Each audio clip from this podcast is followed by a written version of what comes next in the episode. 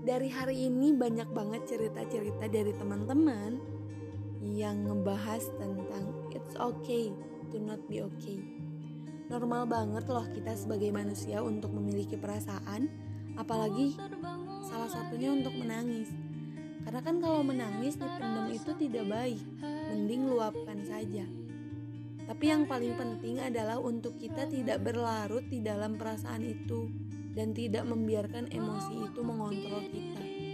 Meskipun kita tahu bahwa menangis itu bukan suatu kelemahan, tapi menangis itu sebuah ungkapan perasaan, sebuah ungkapan emosi, tapi jangan sampai emosi itu terus membelenggu dan membuat kita tidak bisa mengontrol diri kita.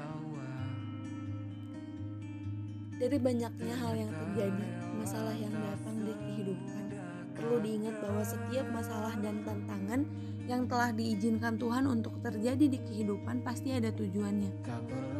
Ketika kita sudah mulai melaluinya, kita jadi tersadar bahwa situasi ini yang membentuk pribadi kita menjadi lebih dewasa.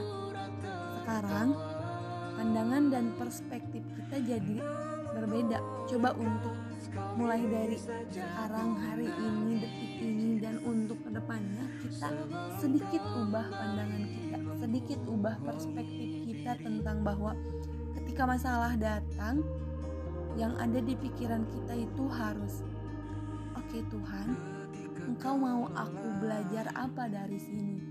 Engkau mau aku belajar apa dari masalah ini? Engkau mau aku belajar menerima hal apa dari segala keputusan yang telah Engkau izinkan untuk hadir dalam kehidupan Aku akan terima dengan lapang dada, aku akan berusaha menjalaninya dengan sekuat tenaga. Tapi mungkin suatu hari izinkan aku Tuhan untuk beristirahat jika memang sekiranya aku lelah.